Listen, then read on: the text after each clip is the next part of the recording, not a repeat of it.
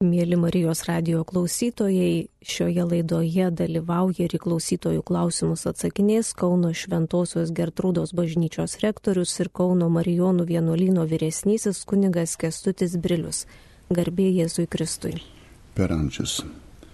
Dabar paskaitysiu čia jau gulinčius klausimus. Pirmasis bus toksai, ar kalbant tikiu Dievą tėvą reikia stovėti, pavyzdžiui, melžintis rožinį. Šiaip bendruomeniniai maldoj, kada kalbamas tėvimų, tikiu Dievą tėvą išpažinimas, bažnyčios tradicija yra primta kalbėti įstovint. Tačiau, kada asmeniniai maldoj kalbame, kada tyliai kalbame, galime ir klūpėti ar sėdėti žiūrint, kaip mes įstaisime maldai.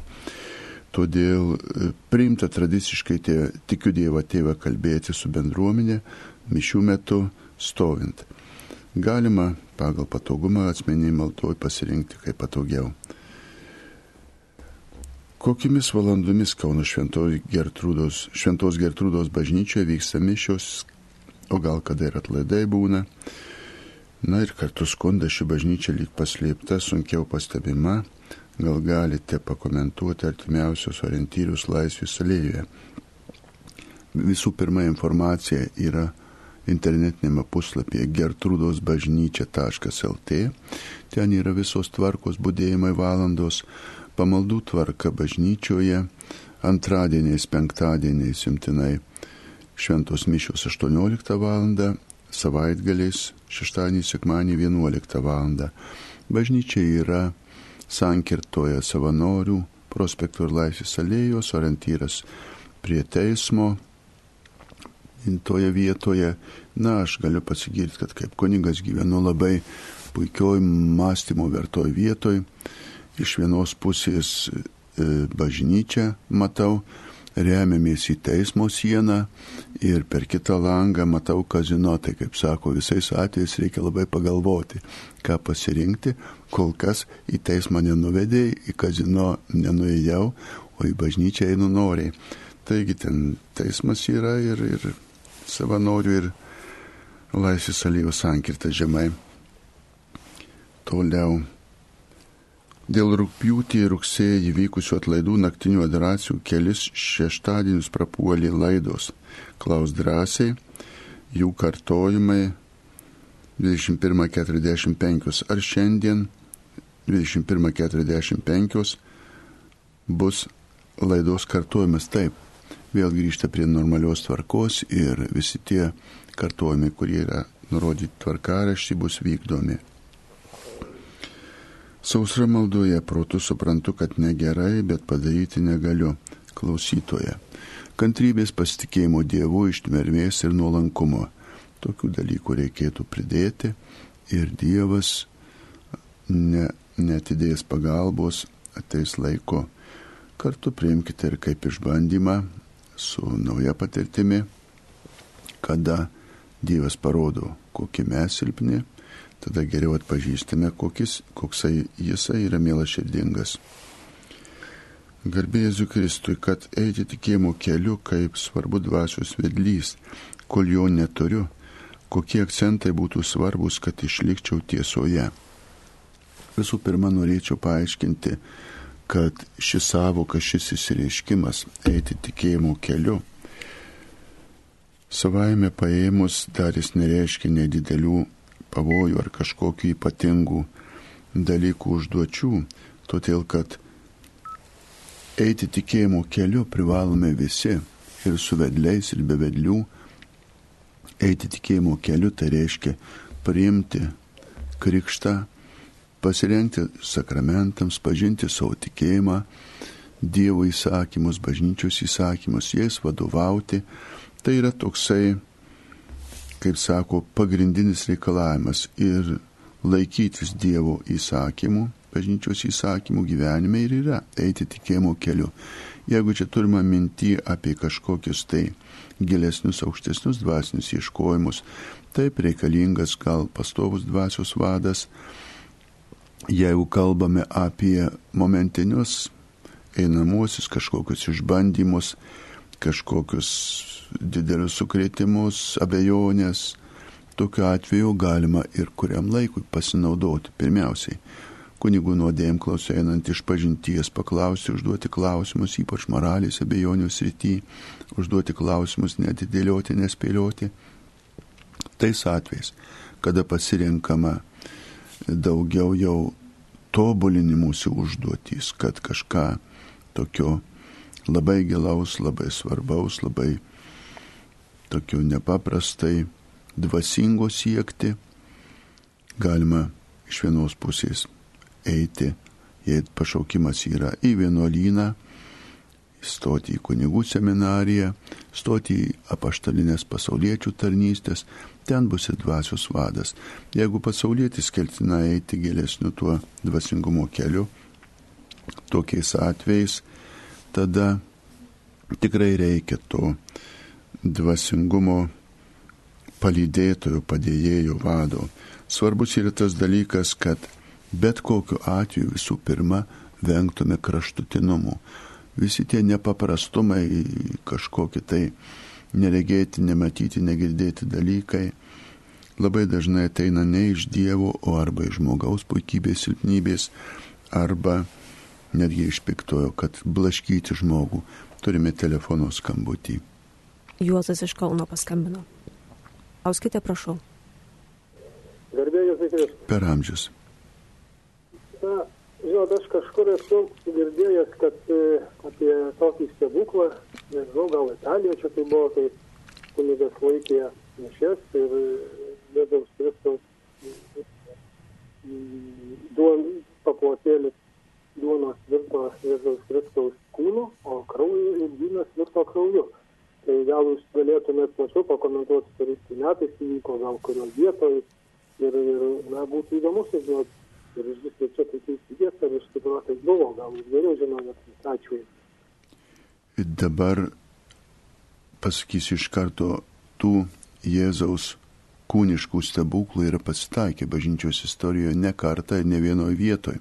Vienas iš tokių garsesnių tai tų, kada žmogus yra paliečiamas Dievo malonės, tas vadinamas švento Januarijos kraujas, kuris duoda savo ypatingas žymės, o kad pasirodo kraujo lašai, kad pasirodo kažkokie dalykai, kiek jie yra, ar tai pavirsta vienai par kitaip materialiai, aš pasakysiu, kad be specialaus tyrimo informacijos to atsakyti negalėsiu.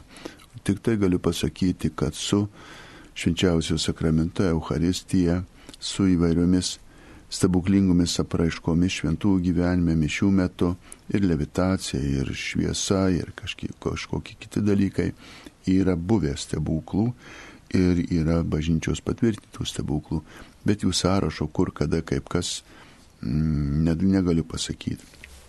Kada sakote virto kūnu ir krauju, turbūt nereikėtų suprasti, kad tai atsirado 60 ar 80 kg mėsos ar kaulų. Dažniau, kiek pasirodo, tai ar kraujo lašelis, ar, ar kažkokia šviesa, tokio maždaug pobūdžio. Bet konkrečiai, sakau, tik tai yra buvę įvairiuose vietose, įvairiais laikmečiais. Dėkuoju už klausimą. Taip pat klausimas čia iš ankstesnių, dabar dar aš atsakinėju, jau rastus klausimus šiandieniniai, kurie davė, dar matau eilutę, atsakysiu. Ką duoda sielai, garbėjus Kristui, ką duoda sielai dažna šventa komunija? Zigmas. Dažna šventa komunija. dažna šventa komunija sielai duoda tą patį, ką ir reta šventa komunija, tik tai dažniau ir stipriau nes kaip ir kiekvienas kartuojamas geras veiksmas sustiprina gerus poveikius. Todėl galima sakyti, ir reta komunija duoda tą patį, ir dažna komunija dažniau stipriau duoda. Žiūrint dar priklauso, ar iš viso kažką esminio duoda, priklauso nuo pasirengimo, kiek mes tai šventai komunijai pasirengime, gyvenimu, savo sielą, savo nusistatymu. Dėkuoju už klausimą. Dabar jau prie šiandien atsiųstų pereinu ir iš eilės bandysiu pavyti. Eilutės greitai bėga. Ar galite daugiau papasakoti apie švenčiausios mergelės Marijos apsireiškimą Šiluvoje? Manau, kad čia ir dabar daugiau nepradėsiu pasakoti dėl to, kad Šiluvos mergelės Marijos apsireiškimas ir, ir ten tos visos aplinkybės, tiek istorinės, tiek liturginės, bažnytinės, yra nemažai aprašytos, m, mm, tik tai vertėtų skirti pastangų pasidomėti ir katalikiškam knyginėlį, ir internete apie Šiluvą, arba nuvažiuoti į Šiluvą, ten knygelių, lapelių gausite ir galėsite pasigilinti, nes net nežinau, kokiu aspektu norėtumėte žinoti, ar istoriniu, to stebuklo istorija, ar gal netgi tuomesnis yra tie liudimai irgi yra apie Šiluvą daug surašyta, dabar patirimų įvairių malonių.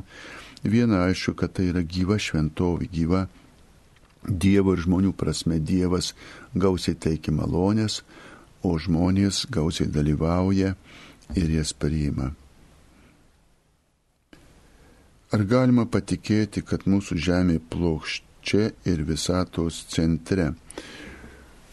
Tikėti čia ne tas gal klausimas. Tikime dažniausiai vieno ar kitokio informacijos šaltiniu, arba jis skelbia įrodomus dalykus, arba neįrodomus dalykus. Tais atvejais, kai skelbia įrodomus dalykus, tai galime žinoti, pažinti, patirti, patyrinėti. Tais atvejais, kai skelbia neįrodomus dalykus, tada priklauso nuo skelbėjo autoriteto, ar jis vertas, kad juo tikėti. Ir šiuo klausimu manau, kad tai yra įrodomų dalykų sritis.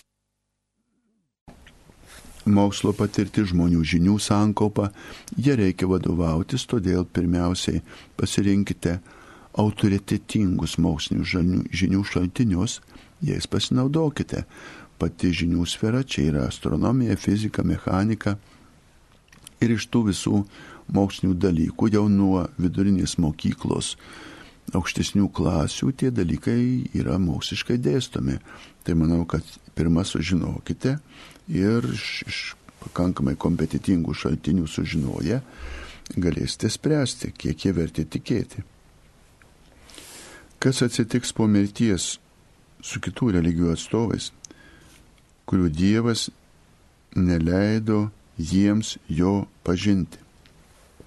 Išmetam šitą dalyką, Dievas neleido, Dievas leidžia, nori, siekia ir stengiasi, kad visi pažintų yra šventame rašte citata, kad kiekvienas kelias priklaus ir visų lūpo šlovins Dievą. Taigi jau pats pasakymas kitų religijų reiškia, kad Dievą jau pažino, nes nėra religijos, kurio nebūtų Dievo. Taigi tai prasme ir kitose religijose Dievo pažinimas, tikėjimas Dievu jau yra. Ir nesunku įsivaizduoti religiją, kurioje neįmanoma būtų visiškai nieko nežinant, netikint Dievu, vykdyti kažkokias tai religinės praktikas. Todėl iš karto atsakau, kad Visose religijose tas dievų pažinimas, tikėjimas yra tik tai jisai daugiau ar mažiau pilnas. Ir nuo to priklauso, kiek tuo tikėjimu žmogus, na, seka. Krikščionybės užduotis duoti tą pilną apreiškimą, teisingą Dievo sampratą ir teisingą praktikos formą, tai yra religingumo forma. Na, o istorijos laiko ir žmonių pastangų užduotis yra tuo keliu sąžiningai, žinant, pažįstant, atrandant, eiti, neusispirti, nesipriešinti. Vardas Ilona, miestas Kaunas, žinoti, kaip melsis į šventąją dvasę. Į šventąją dvasę galime melsis ir savo žodžiais, arba bažnyčios duotomis maldomis. Taip pat daugelį maldų yra šventos dvasios tie intarpai kreipiniai. Kiekvieną kartą, kada žegnojamės, kryžiaus ženklų mes sakome, minime ir šventosios dvasios vardą, vardant Dievo tėvų ir sunaus iš šventosios dvasios. Taigi pradedant jau nuo persižegnomo, jau mes melžiamės į šventą dvasę, o taip pat daugybėje bažnyčios įvairių maldų, mišių tekstų yra šventosios dvasios maldavimai, kreipiniai, Taip pat viena iš stipriųjų maldų į šventą dvasę yra novena devindienis. tą jau ypatingų situacijų, bėdų rūpeščių atveju reikėtų kalbėti. Jų tekstai irgi yra katalikiškuose maldynuose. Kodėl ir kada bažnyčioje pradėta lotynų kalba? Ji pradėta naudoti seniai, iš pradžių po hebrajų kalbos, kur yra tik mažos tautelės kalba. Po hebrajų kalbos buvo graikų kalba, išverstas šventas raštas, kadangi tuo metu mokslas daug kurėjo graikiškai, vėliau e, Romos imperijai įsigalėjus, jau paskui buvo Romoje, o nuo ten ir prasidėjo pagrindinės krikščionybės kelionės į pasaulį, atsiradus vertimams buvo pradėta naudoti lotynų kalba, kuri Romos imperija išnykus, o lotynų kalbai transformavusis Italijoje, Rumunijoje į italų kalbą, išliko kaip tokia pagrindinė mokslo ir, ir, ir liturginė kalba.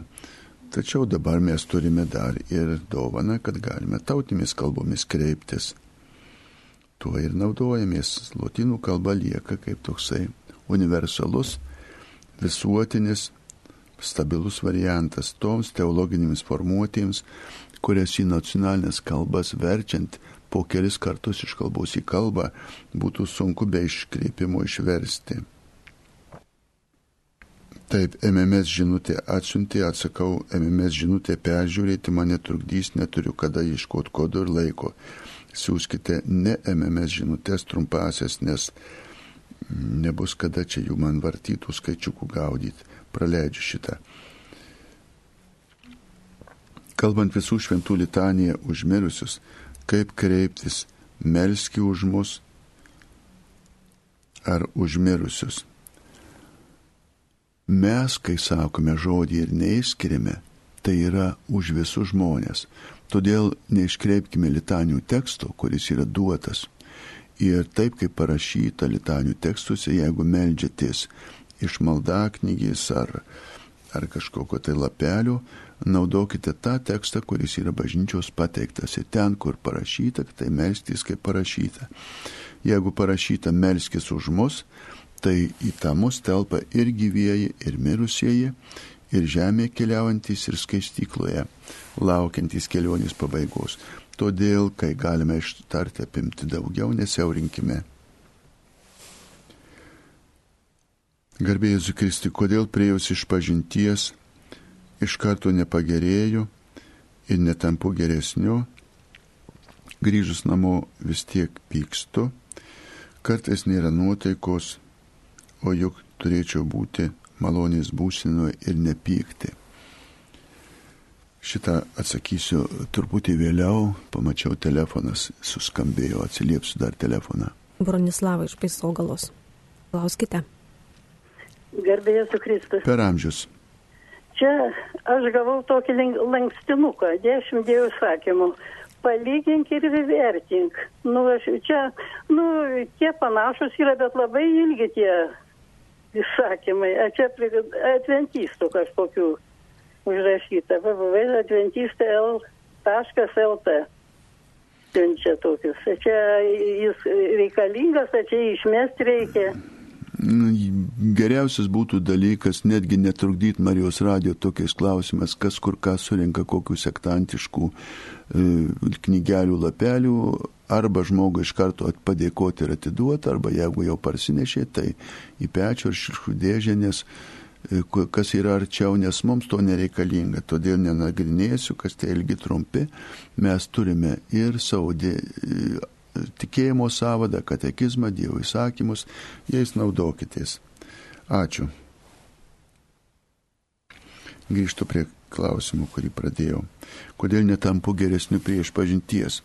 Iš esmės tai tampate geresniu, nes siekite atsikratyti nuodėmės, siekite gražinti Dievo malonę, siekite padaryti pasiryžimus daugiau nenusidėti, siekite, jeigu tai gerai išpažintis, atsilyginti ir taisytis. Todėl geresniu tampate, o kaip greit sugrįžtate, na, čia jau yra kitas klausimas, ne išpažinties klausimas, bet įdos ir darybės ugdymo klausimas, kaip ugdyti į darybę, kaip atsikratyti įdų. Čia jau dvasinės vadovybės, dvasinės metodikos dalykai ir dažna reguliariai išpažinti su konkrečiais pasiryžimais yra viena iš tokių dorybės ugdymo priemonių. Toliau klausimą turime telefonu. Priimu telefoną. Klausytoja Zita. Klauskite. Garbėsiu Kristai. Per amžius. Gerbiamas kunigė, aš pati teologiją baigus labai ačiū, aišku, jums maldas, bet labai norėčiau sužinoti, kokios yra konkrečiai dabar visos nuodėmės prieš šventąją dvasę. Didelis dėkui jums. Prieš šventą dvasę dabar, kaip konkrečiai aš pasakysiu sutrumpysiu, tai turbūt, kad nesijimsiu už tai, kad yra daug geresnis dalykas jūs, kuri baigėte teologiją, matyt kažką pamiršot iš savo mokslų, atsiverskite katalikų bažnyčios katekizmą ir ten, kur yra skyrius apie nuodėmę, sąžinę, moralę, ten yra surašyta. Nuodėmės prieš šventą dvasę viena iš tokių dažniau pasitaikančių, aš tik paminėsiu keletą jų, tai yra atgailos atidėjimas, darant nuodėmę, reiškia, aš dabar turiu laiko nusidėti, senatvėje, o atgailosiu. Tai yra prieš šventą dvasę. Kitas - bloga darymas dėl Dievo gailestingumo. Tai yra, aš darau nuodėmę, Dievas vis tiek atleis. Va, šitos dvi dažniau gali pasitaikančius, aš jas čia paminėjau. O ten daugiau jų, tai aš čia dabar nevardysiu, tiesiog nukreipiu labai, labai, labai stenkitės naudotis katekizmu. Jaunimas, jaunimui skirtų ir vyresnie ir visi kiti pilnu katekizmu, ten yra šio laikinės formuluotės, išraiškos, prie jų ir grįžkite. Na ir žinoma, su šventa dvasia baikų niekas nedarykite. Visada į šventą dvasę reikia kreiptis nuolankiai su atgailos dvasia, su prašymo, su padėka, nes tai ir yra mūsų didžioji maldautoja už mus šventame rašte parašyta, kad kai mes nemokame ar melstis, ar melžiamės net savo netobulais būdais, šventoji dvasia savo dausavimais ir aimanom ir savo dievišką kalbą tiesiogiai tėvui perteikia, išverčia, verčia, vertėjauja mūsų maldas. Todėl te lydi šventoji dvasia visus jos ieškančius ir visus jos laukiančius. Valį.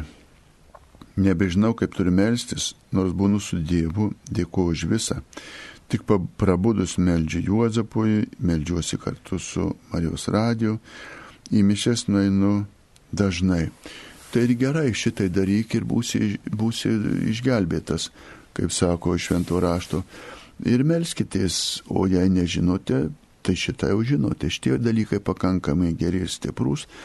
Toliau, jeigu yra kokių dvasinių poreikių, pagal juos ieškokite, gal kažkokių specialesnių maldų, gal kažkokiu tai išventą dvasę ar kažkokį savo krikšto, šve, krikšto vardo šventojo kažkokie maldingumai, čia jau pagal specialesnės užklausas, o šiaip tos bendros viešosios maldos, mišiuose, bažnyčioje, sekmadieniais, kartu su Marijos radiju, tai yra pati didžiausia garantija populiarios, paprastos, teisingos, nuoširdžios maldos, vienybė su visa bažnyčia, su visa bendruomenė.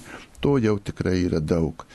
O kas daugiau, tiesiog su, su Dievo pagalba, pasitardama su nuodėmklausiu, galite pridėti.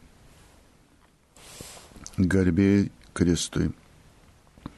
Juozapas buvo vedęs, turėjo vaikų, kaip galėjo suvedžioti mergaitę ir liko šventas močiutina. Čia pasakysiu be ryšio dalykai, kurių nėra šventame rašte, kurių netvirtina bažnyčia. Taip, kad aš galiu atsakyti labai nuoširdžiai, taip kaip sugalvoja tokius išradimus, taip savo ir atsakinėkit. Aš čia neturiu ką atsakinėti. Šventame rašte nėra šitų šitų apie Juozapo vaikus, suvedžiojimus, čia jau jūs kas čia sugalvojot, priedo, sakyčiau, taip nepagarbiai šventų atžvilgių, tai jūs savo ir atsakinėkit. Būtų gerai, kad tokiu keliu bandydami ateitumėte iki tiesos. Pagrindiniai keturi evangelistai, o kitų evangelistų raštai yra išlikę, ar jie yra kur skelbiami. Apokrifinių evangelijų, tai yra bažnyčios nepatvirtintų evangelijų, įvairių ten vienu ar kitu laikmečiu parašytų kaip tokių evangelijų yra išlikę bažnyčios archyvose, kai kur tai teologinėse studijose, biblistinėse galima rasti jų tekstų, palyginimų, analizių. Ir mes kalbame ne apie tai, kiek jų kur išlikę, tai būtų istorinis bibliografinis ar bibliotyros klausimas, bet kalbame apie tai, kad mums išlikę ir bažnyčios savadė yra paskelbta autentiškus keturios evangelijos. Anu apokrifinių tikrai to visokių nuotrupų yra, reikia čia specifiškai ieškoti bibliotekose, švento rašto studijose, specialiuose darbuose, kurie jas aptarinėja. Katalikų bažnyčia turi išlikus ir perduoda tas keturias evangelijas jums žinomas. Garbė Jėzų Kristui. Dėl ko Jėzus Kristus laikų pabaigoje ateis į žemę, o neteis žmonės iš dangaus. Na, aš irgi spėliuoju dėl ko, gal tiesiog jam tai patogiau, kaip, kaip tai daryti. Matote, mes ne viską galime atsakyti, dėl ko Dievas darė taip, ar daro kitaip, ar darys kitaip. Tiesiog jis pasakė, kad taip ateis, kad tai bus. Na ir per daug nereikėtų pergyventi dėl adreso į žemę, ant žemės, ant kalniuko pakalniai, rožių gatvėje, medelyno sodė ar dar kur nors. Čia adresas netaip svarbu, svarbu tai, kad jis ateis į žemę, tai yra į visą pasaulį. Taip, kad visi kūriniai atsistos jo kaip teisėjų akivaizdoje. Na ir tada jau paklausim kaip sako, visą sąrašą, ką mes čia turim užgyvenę pasiruošę. Taip pat laiminu jūs viešpats, ačiū Marija už palaiminimą. Kaip prikalbinti jaunuolius susituokti, o negyventi, susimetus į vieną būtą. Žiūrint, kokius jaunuolius, kieno jaunuolius ir kokia yra susikalbėjimo galimybė. Čia labai daug priklauso nuo to, kaip susikalbėti išmokinote vaikus, kaip susikalbama savo šeimoje, kaip iš vis mokame susikalbėti.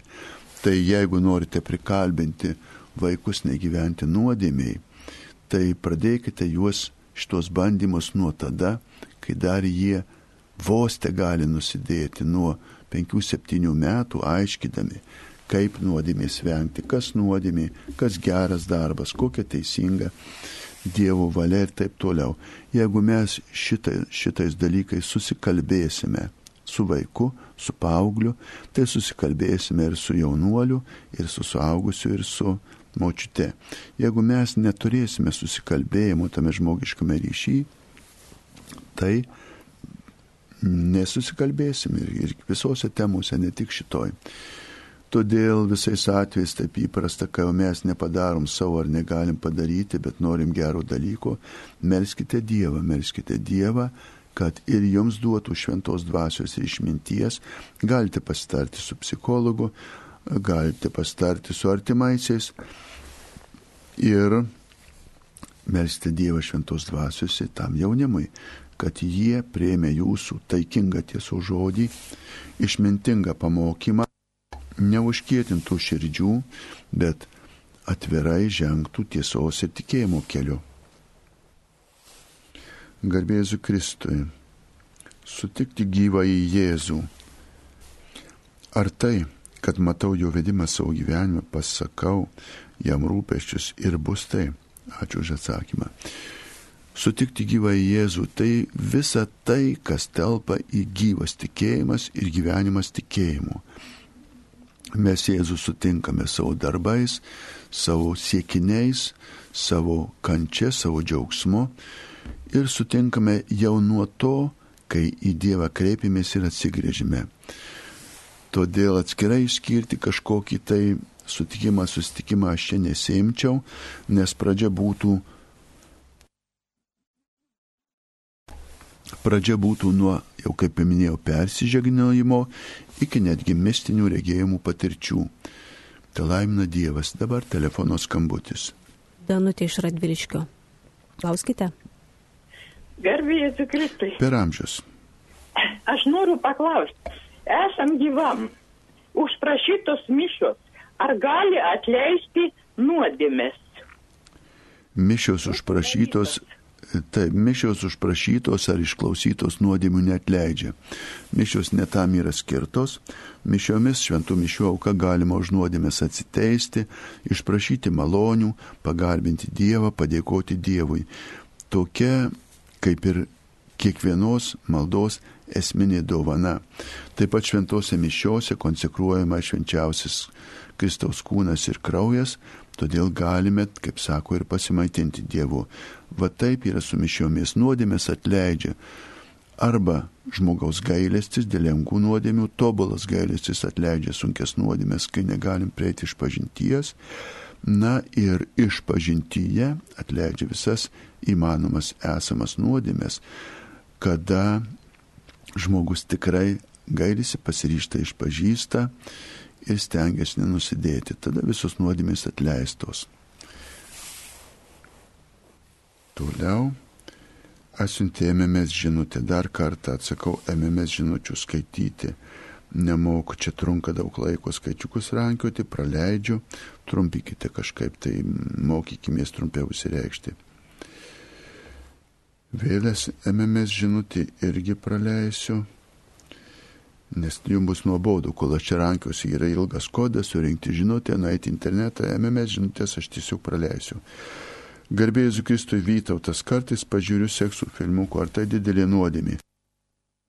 Atsakau paprastai, dėl visų e, sekso nuodėmių e, moralinis išsireiškimas yra toks, bet kokiu būdu sužadinti ar patenkinti lytinę aistrą savo ar kitam yra nuodėmė, o vedusiems tai daryti ne šeimoje arba šeimoje, vengiant pastojimo, taip pat yra nuodėmė. Taigi, kas telpa į šitą dalyką, jeigu mes siekiame lytinės aistros patenkinimo, nesantuką teisėtų ir moralių būdų, nusidame, nesvarbu ar filmukais, ar kažkuo tai, todėl atsakau, didelė ar maža priklauso nuo apsisprendimo.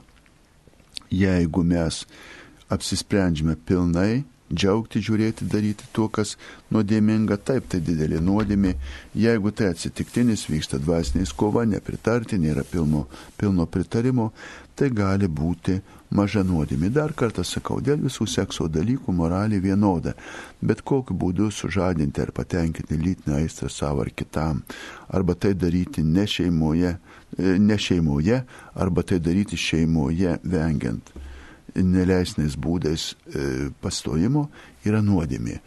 Todėl pagal tai vadovaukimės ir geriausiai, kaip sako, venkim ir nuodėmės, ir progų, kuriuos jie veda. Toliau prie žinučių. Garbės Kristui klausimas. Kodėl žmogaus sūnus rašoma iš didžiosios raidės? Man atrodo, kad tai svarbu, bet nesuprantu. Čia dėl lietų kalbos vardų rašybos taisyklės kada žmogaus sūnus vartojame kaip vardas arba išskirtinis titulas, rašoma iš didžiosios. Kada kalbama bendra išraiška, kaip tokia nu, pozicija, nuostata, aš žmogaus sūnus, tu žmogaus sūnus, mes žmonių sūnus, dukros esame, tai rašome iš mažosios. Ar po to, kai užmirusios laikytos grigališkos mišios, dar prasminga taisy, teisinga prašyti daugiau mišių už juos.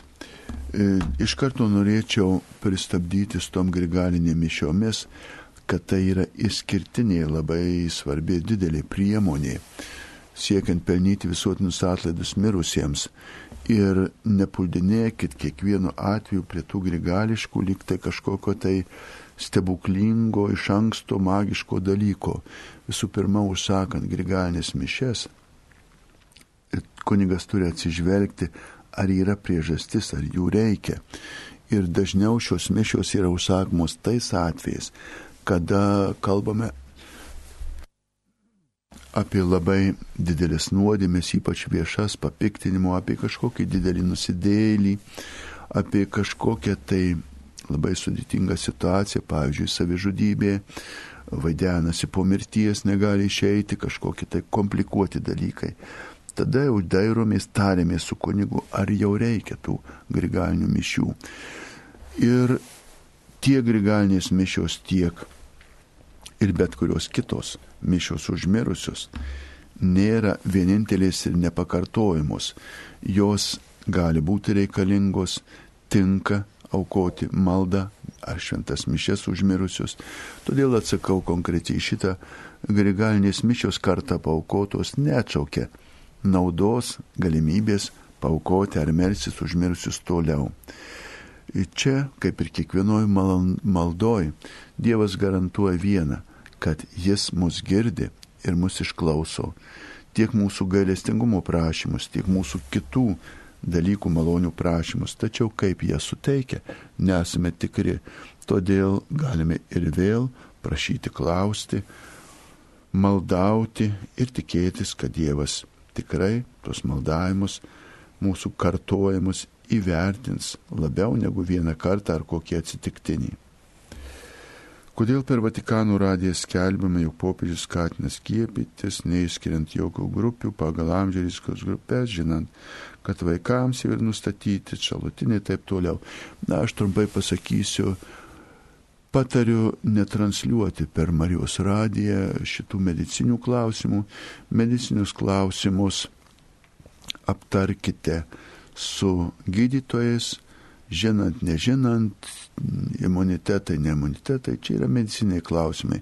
Mes gyvename šitame laike, kai medicina labiau nei, nei ligonė šiandien papuola į politiką ir tie politiniai visokie momentai. Taip pat e, yra, kaip sako, ne tiek reikalingas dalykas, kiek pati medicinė pagalba. Tai aš linkėčiau, kad iš tikrųjų sažiningai ir kuo sažiningiau savo darbą atliktų tiek gydytai, gydydami lygas, tiek politikai, spręsdami politinius klausimus, o popiežius, vyskupai, kunigai taip pat dirba savo darbą, stiprindami tikėjimą. Na, manau, kad stiprina tikėjimą Kristumi, Dievo malonė, gailestingumu ir, ir ne tais virusais ar, ar kažkuo panašiu. Tikėkime Kristumi, jo gailestingumu ką popiežius skelbė, kaip skelbė, tai ne aš pakoreguosiu, nei pakomentuosiu. Manau, kad į tokį klausimą, kodėl skelbė, tai reikia pamastyti iš tos pozicijos, ką ir mes visi krikščionys privalome daryti dėl didesnio bendro gėrio ir sielų išganimo. Va tokia yra visos bažnyčios užduotis, tiek popiežiaus, tiek viskupų, tiek kunigų - skelti, daryti, veikti taip, kad būtų didesnis bendras gėris kuriamas ir pasitarnavimas sielų išganimui. Tai manau, kad popiežius tikrai neišpuola iš šitų tikslų, pasitikėkite. Taip pat galite dėl šių klausimų kreiptis į kiekvienos viskupijos spaudos tarnybą, spaudos atstovus, jie duos pakoreguos, pakomentuos, paaiškins plačiau ir kiekvienoje viskupijoje skelbiamus tos viskupijos viskupų ordinarų nurodymus, patarimus dėl, dėl elgesio, dėl maldų ir taip toliau. Čia vėl apie popiežių aptarimai, ką popiežius taip, vykintui, vykintas vėl klausinė, ar popiežius teisingai daro, ar turi kompetencijų kalbėti. Atsakau labai paprastai, taip, tai, ką daro popiežius, jis turi kompetenciją, įgaliojimą, teisę ir pareigą kalbėti. Kaip jis tai kalba ar daro, stenkitės pasistengti, suprasti, išsiaiškinti ir kartu laikantis tos jau mano duotos atsakymo formos. Tai, ką daro ir privalo daryti bažnyčia, ir yra tikslu dėl bendrai kūrimo gėrio ir sielų išganimo. Nebejokime, kad popiežius tai stengiasi pildyti. Kaip ugdyti darybę, kad mažiau plepėčiau, nenuslyščiau į apkalbas. Nežinau, ką labiau mėgstate, džiaugsmus ar skausmus, tai arba bauskit, arba džiuginkit save. Ten, kur pradeda tuščiai išnekėti, tai pasiskirkit savo už minutės ar žodžius kažkokią nuobaudą, neduot saldainio, saldumino, arba priešingai pagirimą, kad laiku sustojate, kontroliuokit save konkrečiai. Kreipkite savo santūrumą kalboje konkrečiomis pasiryžimų priemonėmis, išnaudokite kitų teikiamas pastabas. Skambutis, pabandysim atsakyti skambutį. Nijolė iš Kauno.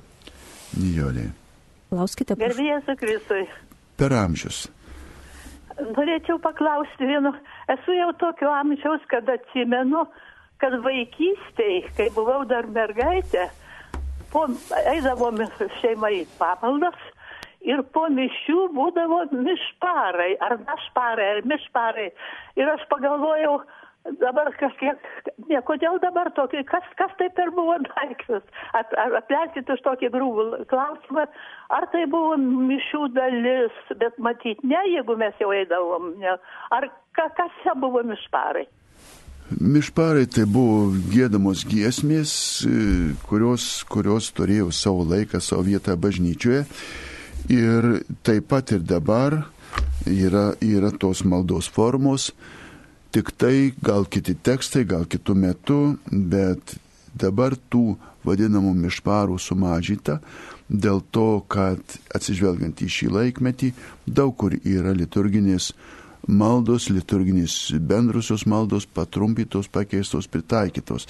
Tačiau ir dabar yra gėdami, tai yra giesmės prieš mišęs po mišių specialios parinktos psalmės, specialiai suruoštos maldos. Ir jos yra gėdamos ir dabar, tik ne visose bažnyčiose. Čia jau pasirinka klebonas, vargonikį, kaip suformuoti tą maldą, kiek gėdamosios, kiek tų gėdotinių dieninių maldų, iš brevijoriaus, iš, iš kitur tų giesmių. Čia jau dabar konkrečiai parenkame šitam laikui. Truputį tikrai jų sumažyta, bet dar yra. Toliau žengiam.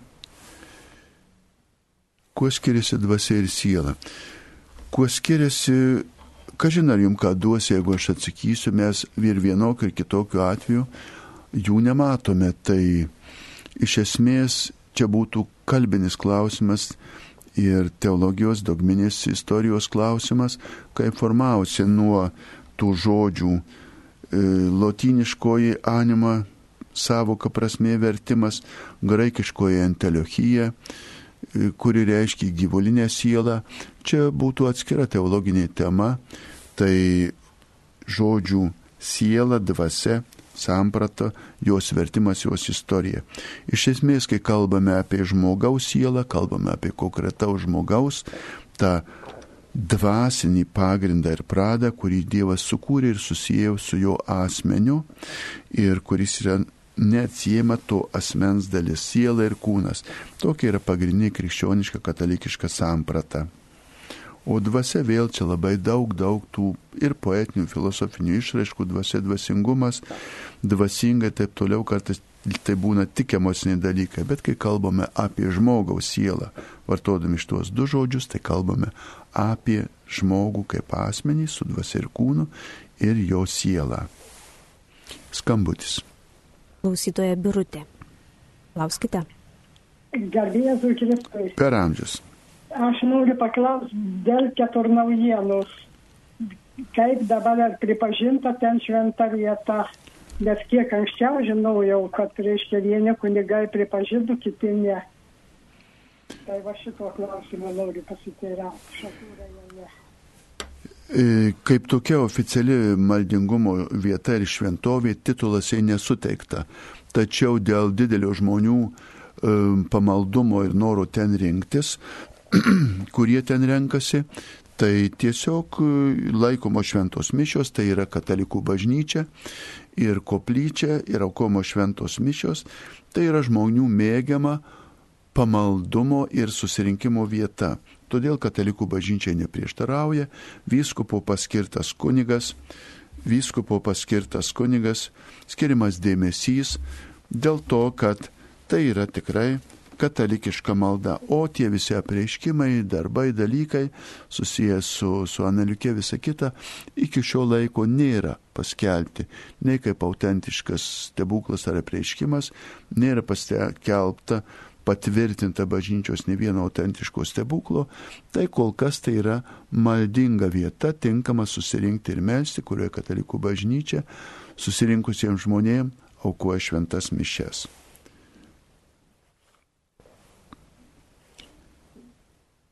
Kaip taisyklinga sakyti, kasdienis ar kasdieninis. Taisyklinga sakyti taip, kaip atsivertus maldaknygę rasite parašyta ir pasiskaitykit maldaknygę arba katekizmą, kur yra tėvė mūsų valda ir ten rasite parašyta. E, Daugumoje tekstų, kiek aš mačiau, visur parašyta kasdienės mūsų duonos.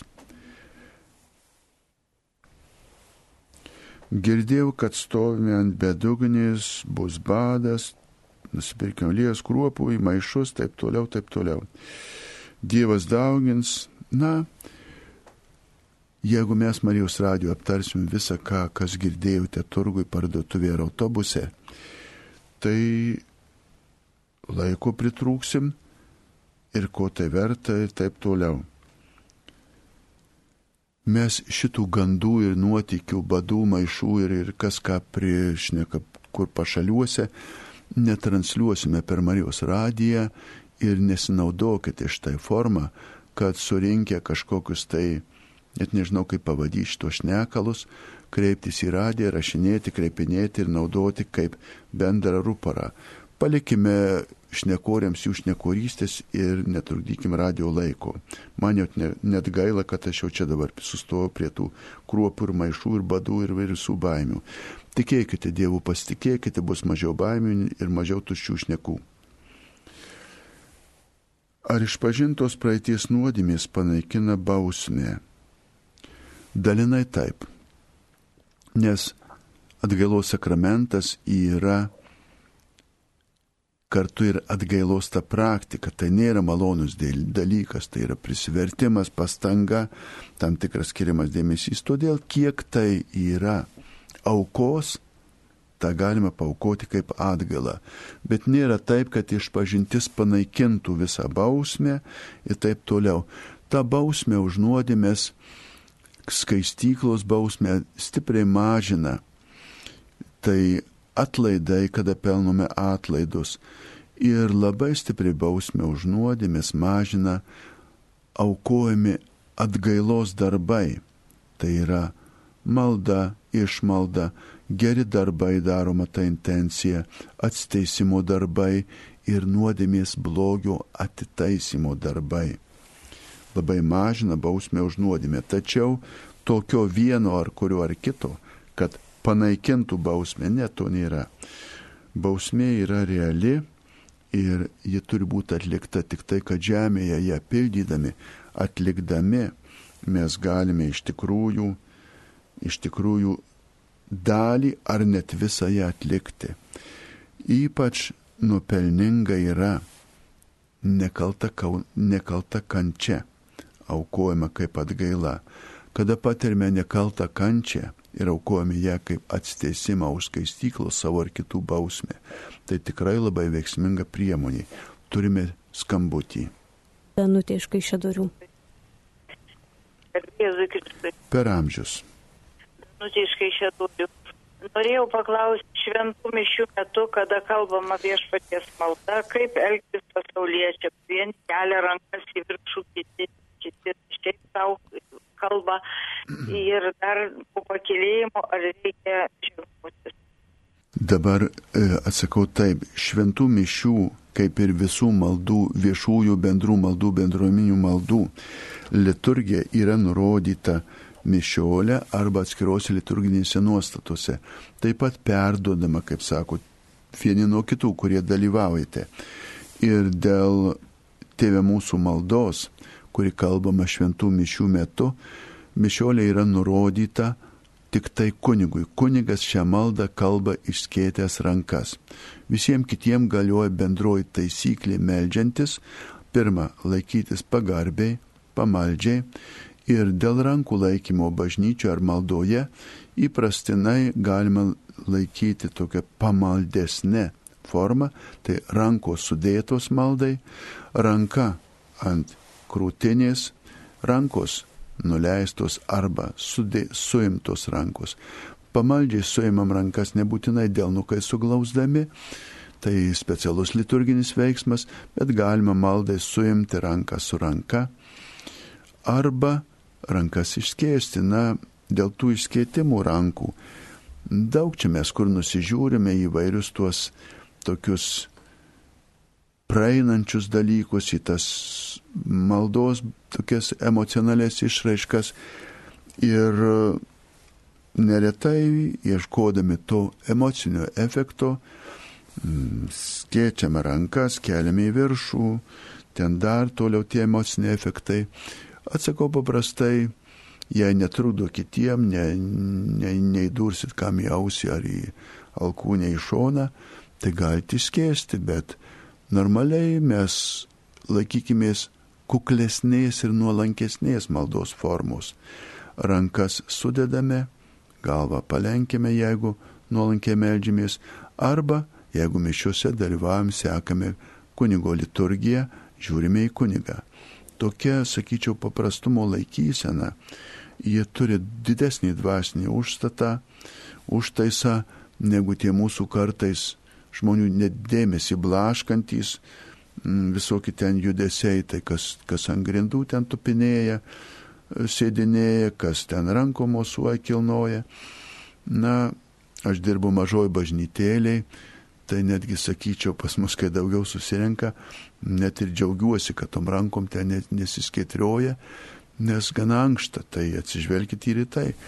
Bet visais atvejais bijokite vieno dalyko - parodomosios liturgijos, kuriame stengiamės ne tiek pasirodyti Dievui kuklus, kantrus ir nuolankus, kiek parodyti žmonėms. Štai kaip smarkiai, štai kaip garsiai, štai kaip ojojoj melžiuosi. Ypač venkit šito farizieškumo, kada mes kilnojam, skėtriuojam tas rankas, ar ten kažką stengiamės, kad kiti matytų. Būkime kuklesni, tai Dievas tikrai labiau matys, nes šventame rašte yra parašyta, nuolankios ir sugrūdusios širdies tu viešpatie netmesi. Todėl šalia to rankų išskėtimo kai kuriuose bendruomenėse tai eina į tų bendruomenių liturgiją, jų pamaldumą, Eucharistijos bičiulė, teitininkai ten turi savo kai kurias išraiškas, rankas išskėjęs, už rankų susijęmt, visą kitą, bet aš kalbu apie bendrą maldos praktiką, rankas sudėję pirštų sunėrė, jau tinkama maldos forma.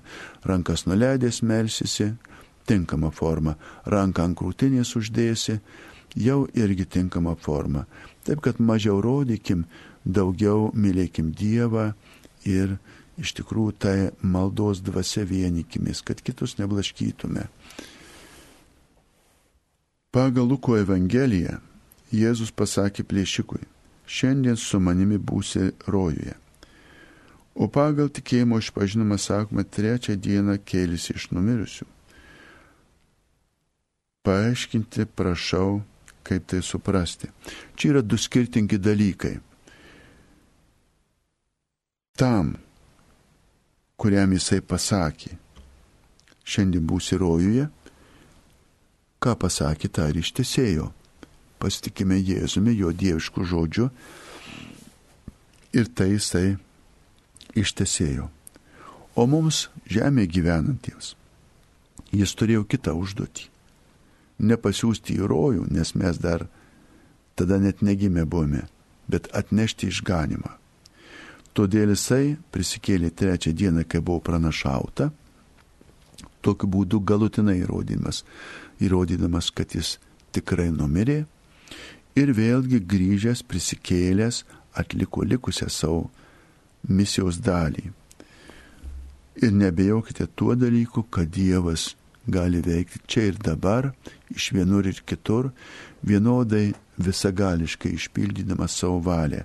Vieniems, kaip tam latrui, išpildydamas greitą jo kelionės atbaigą, dėl jo mirtino gailėščio mirties akivaizdoje, kitiems ateidamas ir atneždamas išganimo malonę, atpirkimo malonę, pagalbą ir netgi likdamas, po to, kai įžengė į dangų, likdamas su mumis, kad testų ir mes testume tą kelionę su juo. Na, be jokios užuojautos Kristui galiu pasakyti, jis tikrai dieviškai visagališkai tai, ką pasakė ir išpildė, tai, ką pažadėjo Latrui ar tam nu, nu, nusikaltėliui, kaip pasakyti, plėšikui, tai lygiai taip pat išpildys ir mums, ką pažadėjo, su juo, su jo vardu, jo malonė gailestingumu eidami, kreipdamiesi ir mes ateisime į išganimą, į dangaus karalystę. Kokia turi būti vaikų grupė, kad būtų galima ruošti pirmai šventai komunijai? Pasakysiu nuo vieno iki daug. Čia priklauso nuo to, kiek iš viso jų reikia paruošti. Jeigu turime jau kelis vaikus ir jeigu galime ruošti, tai gali tokia grupė ir būti. Jeigu yra daug ir labai daug, tai dėl pedagoginių sumetimų yra skirstoma į grupės ir sprendžia čia jau pagal pedagogikos taisyklės. Tai pas mus toks įprastas įsireiškimas yra klasė. Na, mokyklose klasė nuo 14 iki 20 ten kelių vaikų. Kuo didesnė grupė, tuo sudėtingesnis yra darbas su tai grupė. Tiek dėl vaikų individualumo, vieni ten grupelė kažkokiu aktyvesnių, kiti pasyvesni, gabesnių, mažiau gabių ir kad juos visus vienodai ir kartu renkti, ruošti tą pačią programą, tom pačiom užduotim, tai esant šitam didelės grupės savitumui, kada reikia dar skirstyti dėmesį po 3-5 ten kažkokiai grupeliai, kartais tikrai yra geriau išskaidyti tuos vaikus į mažesnės grupės, kur, sakysim, 13-mečiai, 16-mečiai, 7-mečiai, 9-mečiai, 9-mečiai, 13-mečiai. Čia jau klausimas ne teologinis, bet pedagoginis. Pasitarkite su tikybos mokytais ir pasitikėkite ruošiančiuoju, kuris tais grupės nustato ir formuoja. Tai taip ir bus geriau. Dabar dėkoju visiems šaunuoliams, kurie klausė, kurie klausė ir skelbėme pertrauką iki sekančio sustikimo šioje laidoje. Garbės Kristui sveikinu, dar tęsime laidą, klaus drąsiai. Vienas iš klausimų. Šitonas veikia pasaulyje ir puola kiekvieną žmogų ir šitais laikais. Jo veikla tokia akivaizdi, ar tikrais bažnyčios nenugalės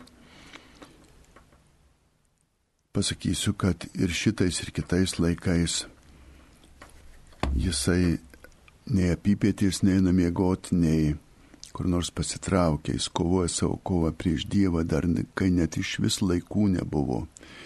Ir ta kova tęsiasi, mes einame su Dievu ir tą kovą laimime tiek, kiek išliekame tikėjime, tikėjimo keli. Dėl šitų laikų specifikos kada toji pikto veikla per piktavalių žmonės stengiasi taip pat panaudoti visas šio laikinės priemonės technologijas, daug kur pasinaudoja tai visą medijų transliaciją, blogai transliuoti, kurdama nuodėmės kultūrą. Reikėtų ypatingai džiaugtis dėl to, kad po sovietmečio Lietuvos viskupai įsteigė viešas žinomas veikles, kapeliono tarnybas. Aš grįšiu atsakinėti toliau šį klausimą, dabar atsiliepsiu į telefono skambutį. Klausytoja Antanina. Taip, klausau. Klauskite, mėlam, Antanina. Taip, klausome, girdime. Aš noriu tokią klausimą paklausti. Aš vieniša 82 metai, gyvenu viena ir kaip į bažnyčią negaliu nueiti ir kaip man melstis, ar su ko pagalba, ar, ar kaip. Melskitės visai, kas, kas atitinka jūsų amžių, gal turite maldos įpročius, tradicijas, kažką pripratę, pagal tas maldas įmelšti. Negalimų dalykų Dievas nereikalauja, jeigu tikrai negalite, toli sunku ateiti į bažnyčią, tai sekmanių pareiga nesaisto po nuodėmę, dalyvaukite tada sekmanį šventą dieną, girdimuose mišiuose vieni kities malda, ar ten per televiziją, o taip pat melstis tomis maldomis, kuriamis buvote įpratusi melstis. Jei rasite naujų, neįprastinių, žiūrėkite, kad jos būtų katalikų bažnyčios patvirtintos katalikiškos maldos, ne kokie burtažodžiai. Tai tiek tada, dabar grįžtant prie to piktojo kovos mūsų tarpe per mūsų priemonės, tas civilizacijos priemonės. Reikia džiaugtis, kad į šią kovą ypatingai atsiliepė ir Lietuvos viskupai įsteigdami egzorcistų tarnybas ten, kur mes susidurime jau su ties panašiais tiesioginiais piktoreiškimais per žmonės, daiktus, apsėdimai, pristojimai, ypatingos tos šitoniškos, velniškos pagundos, bando kartai žmonės, vyksta didelį dvasinį kova. Ten e, mes turime tuos išstatytus viešuosius kovotojus, egzorcistus, irgi stengtis naudotis tąją egzorcistų tarnybą, kreipdamiesi, ar nusistatyti, pasiaiškinti, ar kažką tai iš tikrųjų nuveikti ten, kur jau tasai pikto veikimas tampa akivaizdus e, patirtiniam gyvenime. Taip pat nepasiduokite, tai kaip sako, blogio labai įtikinamai propagandai, kurie atrodo, kad jau dabar tik šitaip ir ne kitaip ir visa kita, ką diktuoja šiandieniai dažnai deklaruomi bedieviški papročiai ar daugybė tų labai tuščių tokių šnekų, šnekamų iš nežinančių, neišmanančių lūpų nepasisiekima nei katalikiškos žinios, nei katalikiško tikėjimo pagrindų.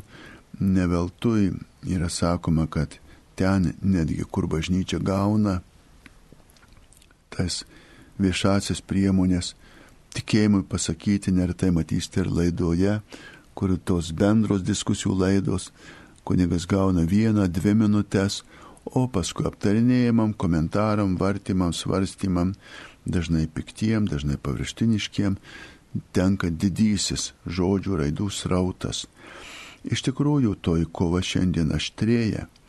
Aštrėja ta prasme, kad galimybė pulti daryti blogą, technologijų suteikta lygiai tokia pat laisva ir neribota, kaip atrodytų galimybė daryti gerą, bet taip iš tikrųjų nėra. Daugelis tų išraiškos formų iš karto ribojami, kliudomi, nušaukiami, nuriekiami tenai, kur skelbiama iš tikrųjų tos katalikiškos pažiūros, ar tai moraliai, šeimos klausimais, netgi atsiranda tos politinės provokacijos, kada čia visi tie tolerancijų, netolerancijų klausimai pastatomi taip, tarsi sakyti tiesą, kalbėti krikščionio pozicijoje, krikščionio argumentacijoje jau būtų kažkoks nusikaltimas. Tai turbūt nieko naujo istorijoje, ko tik nebuvo tenai ir įsižeidė ir užsigavo ir, ir Kristų net mušė, kai jis atsakinėjo savo teisėjui. Daugelį kartų mes atminkime, kad esame kovos lauke. Kovos lauke kovodami kovą prieš pirmiausiai asmeninės pagundas nusidėti, toliau prieš pasaulio pagundas gundimą nusidėti. Jeigu dar sugebame šią kovą laimėti, šią kovą atnaujinti, daryti gerą, daryti gerus darbus, liudyti tikėjimą, skelbti Evangeliją, tai jau yra pergalė. Mes visada privalome atminti, Dievas yra visagalis, jis yra nenugalimas, tik ištverkime toje kovoje su Dievu eidami, jo Dievo valios ieškodami. Dabar dar Na, čia turbūt be ryšio, nei neskaitysiu, sakinių nesuduriu. Neretai čia matau ateina tų žinučių, kur įsivaizduoja Marijos radiją kaip kažkokį garsiakalbį, kad mes imsime tokius va, kartais net sunku supras, ką čia parašo tvirtinimus, kad e, Dievas taip, kunigai taip, bažnyčia taip ir taip toliau. Visą šitą turginį tokį užėsį manau, kad ir netikslinga yra čia transliuoti ir aptarinėti. Manau, kad su dideliu dėkingumu verta atsižvelgti į tai, kad katalikų bažnyčia, viskupai, kunigai ir ačiū labai tikintieji sudarė galimybę mums bent vienos radijos stoties galimybėse laike bangose kalbėti, transliuoti, skelbti tai, kas yra katalikiška, tai, kas yra bažnytiška, tai, kas iš tikrųjų yra ir gyvenimiška, tuo pačiu katalikybės požiūriu. Ir šitą galimybę pasinaudojant, čia taip pat asmeniškai norėčiau kartu ir padėkoti tiems, kurie aukojate Marijos radio išlaikymui. Dabar, kiek žinau, kiekvienoj bažnyčioje, taip pat ir mūsų mažoj Šventos Gertrūdos bažnytėlė yra dėžutė su aukomis Marijos radijui. Kartais ten būna keli euriukai, keli centukai, o kartais ten būna ir visai, visai paukota, apčiuopiamai. Visas tas aukas perduodame radijui, kas mėnesį pervesdami ir džiaugiuosi, prisimindamas, kaip kūrėsi šis radijas, prisimindamas, kaip ir su kunigu Volskiu važiavom prašyti dažnių, diapazonų, ten visokių darybų tose ministerijose. Po sovietiniam laikė visi dar buvo įsigandę, kad čia Lietuvoje kalbės radijas, kad čia vaje vaje. Bet ačiū Dievui, kad štai šis radijas jau kalba ir mes kalbamės. Dabar grįžtu prie naujo klausimo. Kodėl reikia melsis, poteriauti? Juk Dievas ir taip žino, ko iš jo noriu. Čia toliau transliuoja ir agnostikų, kuriems puikiai sekas, tikinčiųjų, kurios gaisras ištiko. Taip, čia yra nuolatinis klausimas, kodėl reikia melstis. Todėl, kad mes dar negavome visko. Todėl, kad mums trūksta daug ko, todėl, kad ne viską galime patys ir Dievas yra visagalis papildyti ir mūsų trūkumus, ir mūsų norus, ir Jis yra laiko, daiktų, pasaulio valdovas ir viešpas. Ir netgi tas blogis, kuris vyksta dėl piktojo valios, pikto žmogaus ar piktos dvasios valios, Dievo galioje yra silpninti, taisyti, išvesti į gerą. Todėl reikia melstis. Skambutis yra Daiva iš Vilnius paskambino. Klauskite, prašau. Garbė Jėzų Kristų. Per amžius. Norėčiau paklausti, kas yra reguliacijos, kur jos pravedamos, ar pasauliečiam, ar tik tai bažnyčioj, ar ten kunigam, šitiem vienuoliam ir kokiu laikotarpiu, kalėdiniu, velykiniu, ar ar taip, kokiose kopelėse, ar kur. Labai, ačiū bus už klausimą. Pagal šventą raštą yra žodžiai rinktiniais kviečiais juos maitina. Rekolekcijos tai yra susitelkimo dienos laikas, maldos būdas, kada mes susitelkėme, susirenkame ir paskiriame laiką. Tai susitelkimo ir atsinaujinimo maldai. Tai yra speciali metodika sukurta daugiau vienuolynuose, atsiskyrėlių maldos formos ir pritaikyta šių laikų žmonėm ir pasauliečiam. Tai yra tas atvejas, kada bažnyčia savo rinktinės dovanas atneša ne tik uždarose bendruomenėse, mažose specialiuose bendruomenėse, bet dalinasi su pasauliečiais. Todėl, kur kada yra rekolekcijos, klausykite parapijų skelbimų, nes yra parapijose daromos bendros rekolekcijos žmonių susitelkimo dienos, misijų dienos, yra ir atskiros rekolekcijos, kurių metu susitelkė kažkokia grupelė, kažkokia tai žmonių būrelis ir gavę rekolekcijų programą, gavę rekolekcijų užduotį, tas rekolekcijas pildo. Tos rekolekcijų dienos laikas gali būti vienuolynuose, gali būti bendruomenėse, parapijoje, priklausomai nuo to, kas jas veda, kam jos skirtos ir ką kviečia į tas rekolekcijas. Todėl arba ieškokite per kažkokias tai bendruomenės sambūrius, kada jie skelbia savas rekolekcijas ten nurodo pakvietimą programą auditoriją. Jaunimui, vienuoliams, vienuolynė, jaunimo organizacijai, parapijai, kažkokios katalikiškos organizacijos. Ir tą sekite. Svarbiausia tai pirmoje eilėje sekite savo parapijos rekolekcijų dienas. O jei dalyvaujate organizacijose, jų skelbimus. Na ir ieškokite ir rasite. Toliau klausimas, bandau suprasti. Ačiū už ačiū, dėkuoju už laiką atsakymus. Toliau nelabai supratau. Bandau. Jėzaus aukia Euharistijoje, kryžiaus pergalį. Kaip tai paprastai par, paaiškinčiau? Paprastai paaiškinčiau taip. Kristus laimė. Kristus valdo, Kristus viešpatauja. Tie, kurie su juo, tai taip pat su juo laimė valdo viešpatauja. Dvasia nugali nuodėmę, dvasia be nuodėmės styra prieš Dievą pelno malonę, su malonė pelno išganimą. Pabandžiau taip trumpai, kaip paklausta. Kam kuningas per laidotuvę sielą išėjus Dievą žiūrės, dorojus moralį, ta, ta, ta. Na, čia viena iš tų serijų, kur turi savo teologiją, kam kunigas, kam Dievas, ką tas veikia, ką tas daro žinot, gal ir neverta spėlioti. Atsiprašau, kam kunigas per laidotės, kodėl jis tą daro.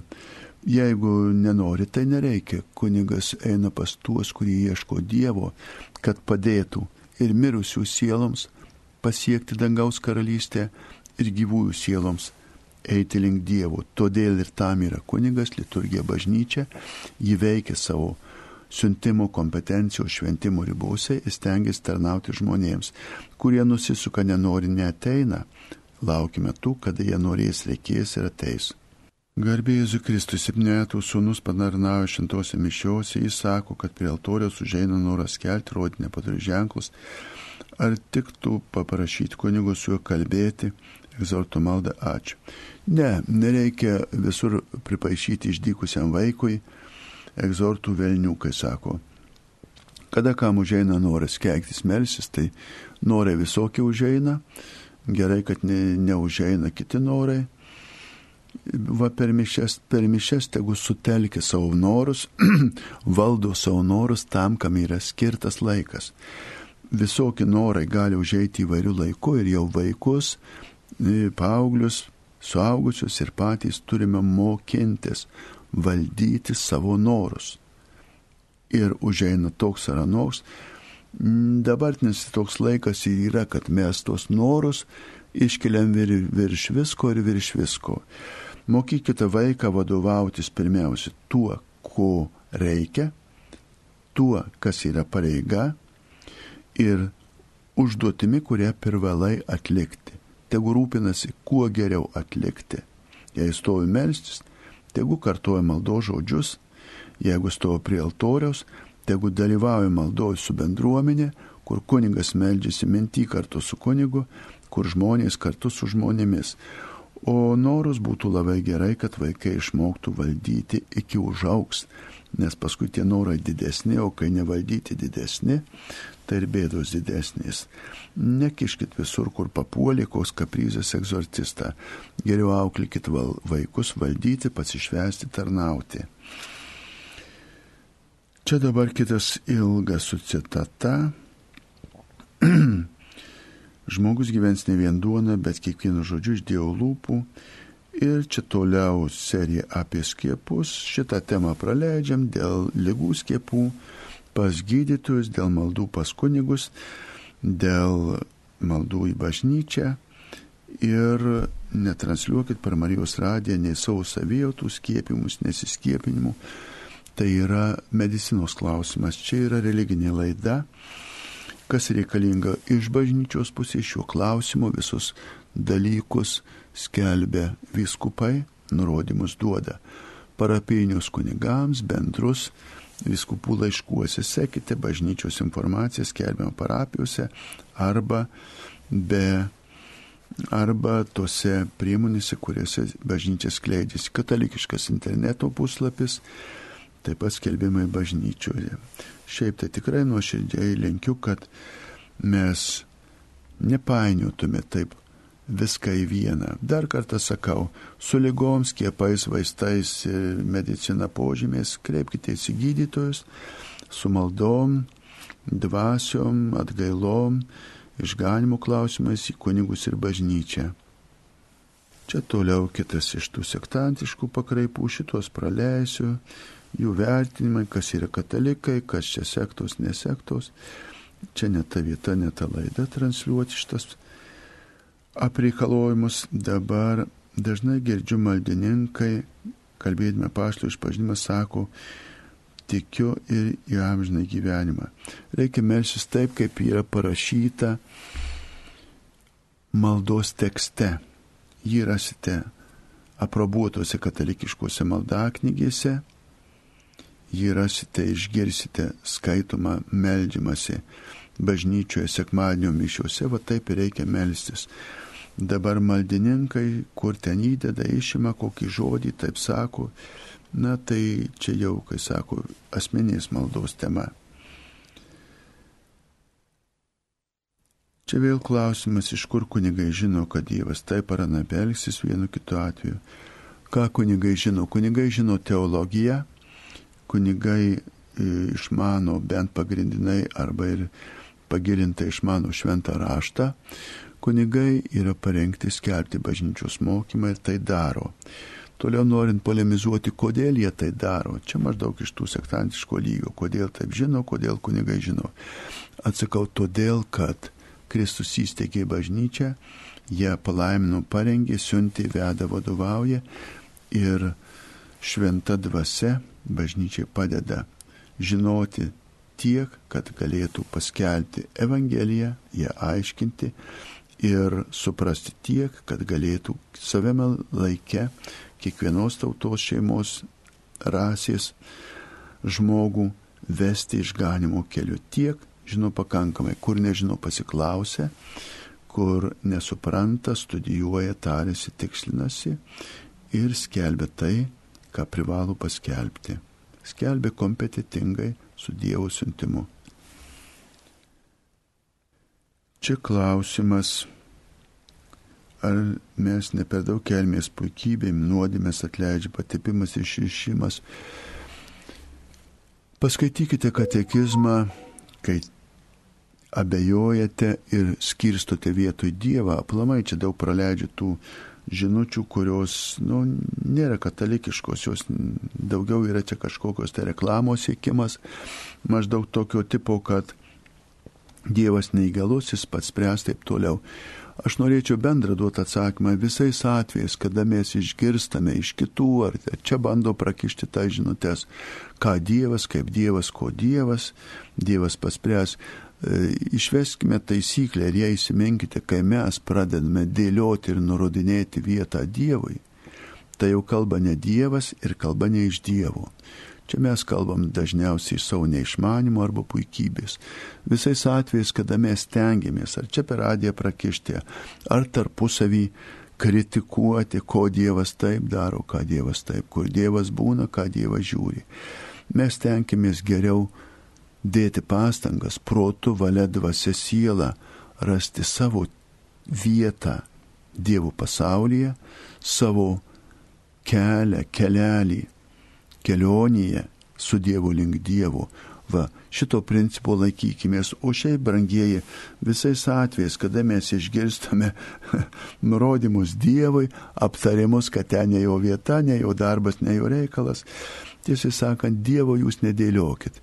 Melskit, kad Dievas jūs padėtų ten taip ir tiek, kad sugebėtumėte, galėtumėte jį, jo ženklus laikę savo gyvenime, savo kelią atpažinti tai ženklais, Dievo ženklais, o ne žmonių išmonėm, vadovautis, kad neklyzdami galėtume eiti Dievo keliu. Na kągi dabar čia vėl emocijos, vėl kažkas permetimai, nurodymai. Na aš visada, kaip sako, ir juokiuosi ir apgailestauju, kai šitą nuostabę priemonę Marijos radiją pabando naudoti kaip priemonę transliuoti savo dažnai tokius patiem atrodančius labai svarbius, bet iš tikrųjų labai paviršutiniškus tikėjimo, bažnyčios istorijos, bažnyčios veiklos, kunigų ir vyskupų veiklos vertinimus. Pirma, žinok, pažink, pasigėlink, paskui suprask, paskui, jeigu reikia, pagalvok, ar tai reikia skelbti. Čia aš kalbu apie visą eilę tų žinučių, kurias atmečiau, kurios atrodo daugiau kaip tos paviršutiniško labai menko tokio silpno tikėjimo reklamos. Pabandysiu dar vieną. Ar kenčia tik žmogus Jėzus, ar ir tie patys, trys viename asmenyje, už mūsų sukurtas nuodėmės. O jeigu trejybė, tai ir visi po lygiai ir taip toliau. Mėlyje, ši čia klausimas labai gilus, labai svarbus, bet jis du kart du keturi atsakymo neturi. Mes negalime nusakyti, kaip saveikauja, pažinti, suprasti švenčiausios tarybės asmenys Dievuje. Mes negalime pasakyti, kuris po kurio tenai kenčia, nes tai yra švenčiausios tarybės liepinys. Dievas yra vienas trijuose asmenyse. Jis mums nepažįstamas esmėje, tik pažįstamas pagal jo ženklus ir apreiškimą. Tai yra žinome jo vardą Dievas Tėvas Sūnus Šventoji Dvasia trys asmenys. Jis yra vienas ir, švento, ir šventų mišių metu neretai mišiolė, taip pat pilname tikėjimo išpažinime vis kartojama, kad ir asmenų lygybė, ir jų vienovė, ir prigimties vienumas, visa tai yra viename. Protų nesuvoksime verčiau, kada pasimetame žinojime, stiprėkime tikėjime, jis mums apreiškia, mes esame liudytojai tos švenčiausios trybės lėpinio ir tai darykime tikrai tikėdami ir pasitikėdami. Dievas žino. Jeigu žmogus meno mylėtojas tenkina aistrą lankydamas teatrus, viskas tvarko, bet jeigu vien gongės su kitais, na, čia be ryšio. Aš į šituos tenkinimus, netenkinimus, visus aistrų klausimus čia kažkaip sunkiai netski su, suprasti, bet atsakau dar kartą pakartoju. Dėl lytinių aistrų.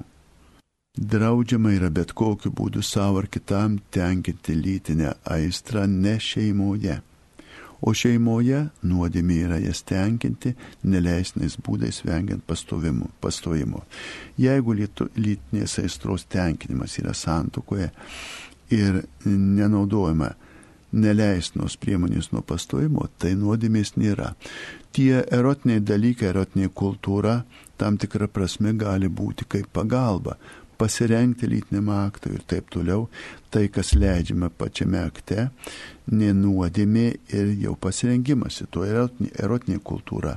Tačiau jeigu, jeigu erotinė kultūra skiriama vesti į nuodėmę, tai yra ar savęs patenkinimui, gundimui, ar kito gundimui, kad darytume neskaitistumo nuodėmę, tai yra nuodėmė. Ne dėl to, koks muziejus ar kūrinys ar daiktas panaudotas, o dėl to, kad žmogaus lytinė aistra gundoma naudoti ar naudojama nuodėmingai.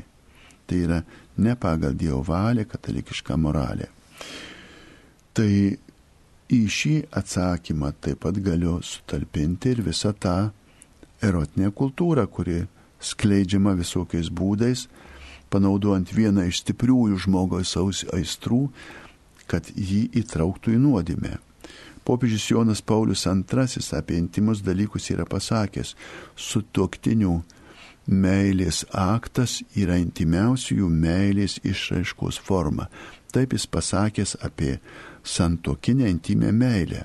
Taigi stengtis reikia, kad toji meilė intimi būtų iš tikrųjų turininga meilė ir kad toji forma nebūtų tuščia, nebūtų vien tik tai kažkoks tai aistra, pastenkinimas, bet kad iš tikrųjų tai būtų meilės išraiška. Visada sekime meilę, meilės pėdomi, meilės keliu, o ten, kur eina egoizmas su visom jo atmainom, ten ateina ir nuodėmė. Kiek ir kada darbų gerų atlikti, juk jie negalės panaikinti bausmės už nuodėmės. Ar verta juos daryti? Ne, čia klaidingas teiginys. Bausmės už nuodėmės atsiranda iš pačios skolos padaromos blogų darbų ar nuodėmė. Geri darbai tikrai mažina, tuo pačiu ir naikina bausmę už nuodėmės. Tai yra atsiteisimo intencija, atgailos intencija ir Nežiūrint kai kurių protestantiškų religijų tikybų tvirtinimo, jo geri darbai nereikalingi, yra ir kitos sektos, kurios teigia, kad geri darbai nereikalingi, viską Kristus nuveikė vienu kartu, tai klaidingas tvirtinimas. Katalikiškas tikėjimas yra toks, kad geri darbai naikina ir mažina bausmę už nuodėmės. Na yra geri darbai, atgaila, malda, pasninkas, išmalda prie jų taip pat ypač tėvai, išvardyti mažina ar net panaikina bausmę už nuodėmės. Tuo labiau nepainiokime bausmės už nuodėmę su nuodėmio atleidimu. Kaip suprasti šventų rašto žodžius, neduokite keulims perlų. Supraskite kuo paprasčiau. Reiškia, kad tinkamam tai, kas tinkama ir tai, kas reikalinga. Jeigu paimsime gyvulį, jam reikia maisto, bet nereikia papuošalų. Tai šituo atveju, jeigu mes paimsime žmonių situaciją, tinkamam tai, kas tinkama, reikalinga ir į ką jis turi teisę. Va pagal tai atrinkite, kam ir ką duoti. Kas bus viršaus jau dovana. Bet jeigu mes iš tikrųjų brangenybės mėtysime tam, kuriam jų nereikia, kuris jas niekina, kuris iš jų tyčiosi, tai mes tuo pačiu paniekiname ir tų brangenybių autorių ir jų davėją, įžeidžiame, sumenkinydami jo, jo dovanos vertę. Čia reikalinga išmintis, o išmintis yra tikrai sunkiai pasiekima daugybė. Todėl dažnai, jeigu klystate šios srity, klauskite patarimo, kas tikrai jau tai išmano, pasitarkite čia patu aplinko, nes tai reikia konkrečių situacijų. Šiluo per atvedus daug prekystelių su įvairiais dalykais, pamačiau sapnininką, negalima, pasakiau, kad tai visai priešinga, žmonės klaidami teisingai pasakėte ir teisingai padarėte, kad jo nepirkote ir perspėjote, kad po katalikiškais knygynais ar, ar tais keliais nebūtų platima jokia tikėjimo priešinga literatūra. O žmogaus sąžinė, padedant svarstyklių, kaip pirks ir kaip apsimoka, tai čia jau kitas klausimas, kiek sažiningas pardavėjas. Ar gali krikšto tėvais būti žmonės be santokos sakramento, bet su civilinė santoka? Ne, nebent specialiai kreipiantis į vyskupą ir būtų sprendžiama jo kompetencijų ta situacija. Kaip kalbėti su jaunai žmonėmis, kada gyvena kartu, nesusituokia ir sako, vestuvės tai brangu su jaunais, su senais ir su visais kalbėti man, mandagiai, pagarbiai, kultūringai, nediktuojant savo nuomonių ar savo nuotaikų ir ieškant bendrų sprendimų. Galima, jeigu esate vyresnis, atsakingas ar artimas žmogus, priminti tą pareigą, jog katalikui gyventi be santokų sakramento yra nemoralu, yra nuodėmė. Dėl to, ką sako, kad vestuvės brangu, tai čia supratau, kad jūs jau kalbate ir jums atsako. Kad vestuvės brangu, tai siūlyčiau kaip argumentą išskirti tuos dalykus. Yra santokos sakramentas ir yra vestuvės. Tai apie santokos sakramentą galima kiekvieną sakramentą katalikų bažnyčioje gauti be jokių kainų ir kainoraščių. Ir kreipkitės tuo klausimu ir tikrai nebus brangu tiesiai sakau, už savo bažnytėlę, kurioje dirbu, Gertrūdos bažnyčioje, nei vienam patarnavimui nenustatyta jokių kainų ir niekam nėra brangu. Kokie žodžių nuteisinti ir išteisinti reikšmė Biblijoje? Ačiū Teresi Vilnius. Nuteisinti ir išteisinti. E, atskirai nesimsiu šiandien nagrinėti būtent tos čia kalbėsim ne apie reikšmę Biblijoje, reikšmė ta pati.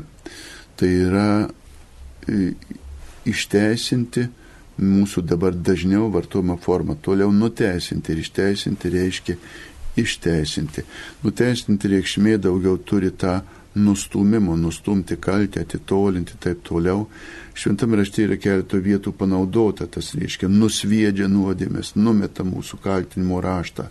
Tai čia tik tai kalbinės formos ir reikėtų kalbėti jau su šventų rašto specialistais dėl būtent lietų kalbos tų išraiškos subtilybių.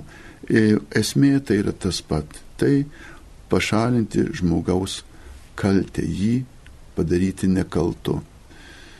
Toks būtų atsakymas. Toliau žiūrėsime. Viskupų laiškė apie okultizmo plitimą rašoma, su dvasiniais mokslais susijęti kovos menų patarimai iš esmės nesiderina su katalikų tikėjimu. Kaip pakomentuotumėte, kad ratė, kuris susijusi su rytų, su rytų religijomis, yra katalikiškose mokyklose? Tiesiai sakant, kiek tai yra su tuo sportu ar kovos ar lavybos menu siejama religija, tai katalikiškose mokyklose besąlygiškai tai turėtų būti katalikybė kiek tai siejama su tomis pagoniškomis religijomis ir savokomis, tai reikėtų tą klausimą kelti pačioj mokykloje. Katalikiška mokykla be abejo turi kapelioną ir ten spręsti konkrečiai. Jeigu treniruosi šiuos rytų menus ir visą kitą, kas dabar madoje, tai dar nereiškia, kad perima jų tą sintoistinį ar, ar panašų kažkokį tikėjimą o tik priima kaip sportą, bet tai reikėtų spręsti konkrečioje mokykloje, konkrečioje situacijoje. Kitas klausimas. Kaip per šventas mišes atnešti aukas? Ar tų kelių litų įmestų į krepšelį užtenka? Ar a, atneša ir meilė, pykti ir taip toliau? Dievui galime aukoti visą, kas gera, o materialios aukos daiktais, kaip prašoma, labdaros ar pinigais, prisidedama prie bažnyčios kaip bendruomenės išlaikymo, veiklos. O ką jūs aukojate, tai aukokite visą širdimi, ką joje turite. Jeigu įvardite pyktį, neapykantą, kerštą, pirmiausiai nurodė šventam rašte, išsivalykite, kad aukodamas save savo širdį meilį, meilį net neštumėt sauką nei pykčio, nei, nei kažkokiu ten keršto ar pavydo. Šventam rašte nurodyta prieš aukojant susitaikyti su artimu, apsivalyti nuo nuodėmės. Kitas klausimas, prašau paaiškinti, kaip suprasti. Išplovi savo apsiaustus avenėlio kraujyje. Tai reiškia, kad savo šventumą, savo žmogišką tobulumą, gerumus ir negeramus, tai, kuo jie kaip žmonės apsivilko, iš tikrųjų panardino Dievo meilėje ir malonėje ir pašventino save Dievu. Tai reiškia, kad ne vien savo rūbo, savo nuopelno, savo gerų darbų šventumų šviečiame, bet yra pasakyta, kad mes šviečiame Dievo šviesą. Būtent tai yra turima šiuo atveju kančios ir atpirkimo auko šviesa, kada mes panardiname savį Dievą taip, kad anot apaštalo Pauliaus jau nebe aš, bet Kristus manyje gyvena, šviečia, veikia. Klausimas, ar gali eiti liudininkais be bažnytinės santukos? Jeigu teisme, tai gali, jeigu santukos sakramente, taip gali. Liudijimas santukoje yra teisnis veiksmas. Be santukos sakramento net ir nekrikštyti, net ir nekatalikai santukos liudytojas gali būti, turi turėti teisinį veiksnumą. Tai yra pilnamečiai, savarankiški, atsakingi, laisvi, suvokiantys, jog vykdo teisinę funkciją. Tai yra santukos liudytojas gali būti bet kuris teisiškai veiksnus žmogus, kuris supranta to liudimo teisinę esmę. Ką daryti, jei žmogus yra prakeiktas? Jei žmogus yra prakeiktas, žiūrint, kas yra prakeikė, tai tiesiog pasitikėti Dievu, toliau tęsti savo ko, kovą ir šiame žodėje prakeiksmas yra Dievo ištartis apie tai, kaip jis gina savuosius nuo pikto dvasios ir galios. Aš laiminsiu tuos, kurie jūs laimina ir prakeiksiu tuos, kurie jūs keikia. Palikime Dievui šitą bylą, o mes pasitikėkime juo. Jeigu Dievas mūsų netmeta, ne, nepadarome nuodėmis, kuri mus skiria nuo Dievo, jokie prakeikimai, linkėjimai ar keikimai, kas mus bekeiktų, mūsų neįveiks, nes Kristus mus stiprina. Aš visą nugaliu su tuo, kuris mane stiprina, čia kalbam apie Kristų. O sprendimus pačiame jau tam keikimo ar laimino lygmenį galutinai patikėkite Dievui ir pasitikėkite jo palaimą, gyvenkite taip, kad pakliūtume į bent vieną iš jo palaiminimų, o daug dievė ir į visus. Ir būsite palaiminta, nors jūs kiti ir keiktų. Bijoti reikia nei, nei ištikimybės Dievui, o kaip būti ištikimam ir kaip suprasti Dievo valią. Būti ištikimam tai reiškia stengtis tokiu būti, tai reiškia niekškoti išlygų ir apgaulių su sąžinė, kaip susiderinti ir tą padaryti ir šito paragauti, to, kas uždrausta apie uždraustą vaisių. Kaip suprasti Dievo valią? Ji yra išreikšta dešimtį Dievo įsakymų, penkiuose bažnyčios įsakymuose. Apie ją mums kalba sąžinės balsas, taigi klausykite savo sąžinės ir taip pat vadovaukitės evangeliniais patarimais, kai siekite šventumo.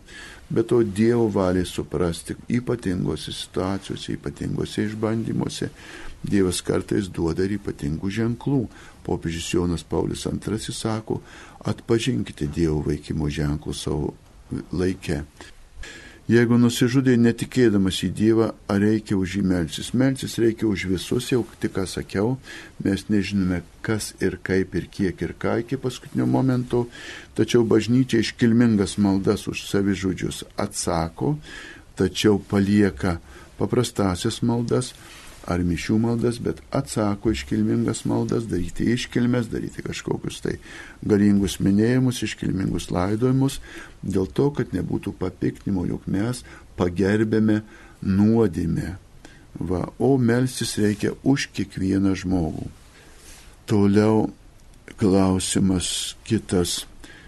Už ką einame į pragarą, jei Dievas gailestingas? Einame į pragarą savo valia, nes Dievo gailestingumą paniekiname, atmetame, jo nesiekime ir darome sunkia nuodėmė. Į pragarą einame savo valia pasirinkę blogį, o ne Dievą, pyktį, o ne gailestingumą, užsispyrimą, o ne nuolankumą.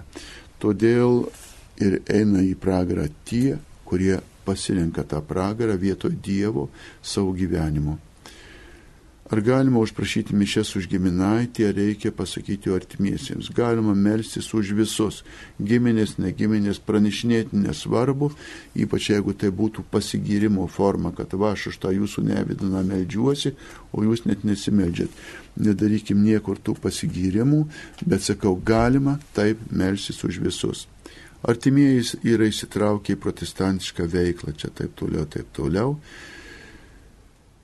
Ir čia jiems neįmanoma nieko pasakyti, jie turi krūvas komentarų, taip toliau. Pasakysiu labai paprastai, netvertinėkite sektantų, kitatikių, atvertinėjimas tikinčių nėra mūsų užduotis, skelbkite, liudykite pirmiausiai savo tikėjimą ir juo gyvenkite, tuo daugiau laimėsite negu tais begaliniais ginčiais. Atsivers prie Dievo ir Dievaras tie, kurie gerą varį ieško tiesos ir savo apsisprendimų ieško būtent Dievo kaip melis ir tiesos gyvenimui. Tie anksčiau ir vėliau vienai per kitaip Dievą suras. Ateina senatvė labai baisu mirties, negaliu susigyventi su tuo, kad artėja lygos mirtis, kaip reikėtų matyti su to susitaikyti. Tikiu Dievą, bet vis tiek neramu. Nepasiduokite tai gyvuliškai baimiai, kada tą baimę pats palaikai, veikia instinktyviai, darai kvailus dalykus nustoji protauti, mylėti, galėti, nustoji melstis, tikimi drebėti, kad mirsi. Niekas prie tavęs dar nestovi su kardu ar peiliu ir taip toliau. Taip, senatvė mirtis neramu. Ir tai reikės iškentėti. Visas gyvenimas yra ir kančia, ir džiaugsmas, ir meilė, ir ašaros, ir viltis, ir nusivylimas, visko pilna. Šiuo atveju artėjant tikrovį mirtis, stenkitės, kad nepanaikintų to, kas gyvenimą buvo gera, to, ką jūs jau pelnite, tuo, kad gyvenote, kad darėte gerą, kad laimėjote gerus darbus, stiprinkite tikėjimą, bendraukite su tikinčiaisiais, kurie taip pat padės stiprinti jų tikėjimą. Laikas nuo laiko, ypač silpsant sveikatai, priimkite ligonių patepimų sakramentą. Jisai labai sustiprina kovų mirties akivaizdoje atvejais. Kitas klausimas, gal galite pakomentuoti, kodėl negenda šviesas vanduo stovantis neuždavė Indija jau porą metų. Jis neturi kvapų taip toliau. Nežinau, negaliu šito pakomentuoti, nors nekartą girdžiu ir esu įstikinęs tais dalykais, pakomentuoti negaliu.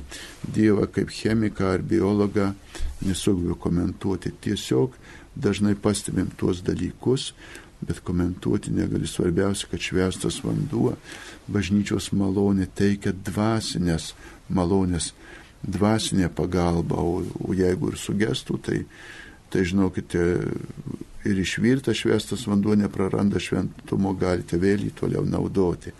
Kitas klausimas. Mišios už sielą skaistyklo paukotos, ar paukotos išmirusius, ar skirtumas ar ne. Čia klausimas labai neryškus. Sielas skaistykla, ar visos e, sielos skaistykloje tas pats ir mirusieji. Gyvų sielų, gyvų žmonių sielos skaistykloje dar nebūna. Todėl savaime užmirusius tai reiškia už skaistyklą, už pragarą mes meldžiam, dangui maldų nereikia, tik tai malda dalinamės. Kaip elgtis, kai Jehovos liudytojai perša savo tikėjimą ir aplamai, kas tai per tikėjimas? Na, kas tai per tikėjimas, aš čia neskelbsiu, nenagrinėsiu, nematau reikalo, o kaip elgtis, eiltis pagarbiai, konkrečiai, ir nesitaikstant. Tai yra nesivelti į diskusijas, nepriimti primetamos nuomonės, nepasiduoti manipulacijoms ir paprašyti netrukdyti. Geriausia bus, kad mes tušiais dalykais nesitrukdytume. Sveiki, kodėl sakoma, kad nuodėmės išrišomos? Ačiū už atsakymą. Čia yra e, kalbos dalykas. Aš visur vartoju tą įsireiškimą e, atleidžiamos. Nes šventame rašte yra pasakyta ir neblogai išversta, kas gali atleisti, ten kelia klausimą Kristui. Todėl išrišamos, atleidžiamos, nuplaunamos, panaikinamos yra kalbinė išraiška ir skirtumo nėra. Esmė ta, kad tos nuodėmės iš tikrųjų būtų dievų atleidžiamos, o mes už jas atsiteistume dar iki numirsim, tai nereikės vart skaistykloje.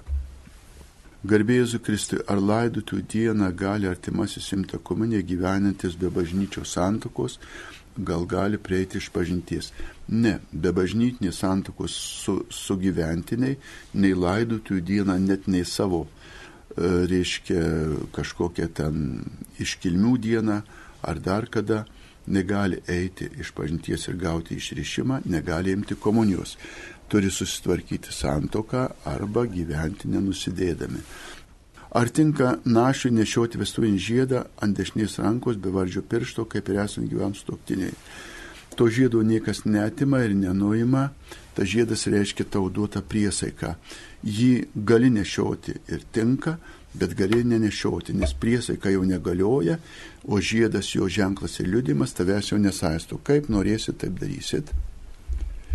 Dar vienas klausimukas. Užsakomos šventos mišios devindienio keturnedėlio. Devindienio nepainiokit, tai ne mišios, o yra vadimos novenos litanijos maldos. Devindienio katalikų bažnyčių nėra.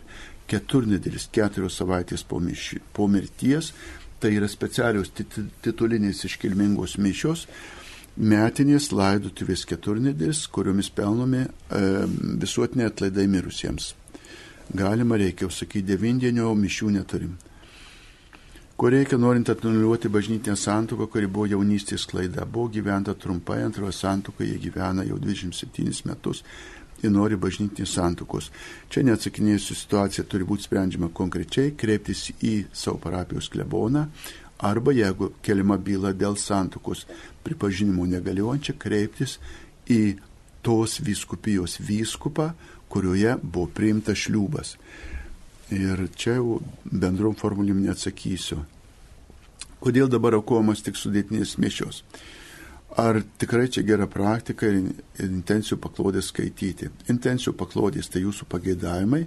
Galime mes sutrumpinti, neretai sutrumpiname už visus jūsų intencijomis aukojame šias mišes, tada atsiranda burzgimai ir rusgimai, nepasakė, nu tai katriutė, elziutė.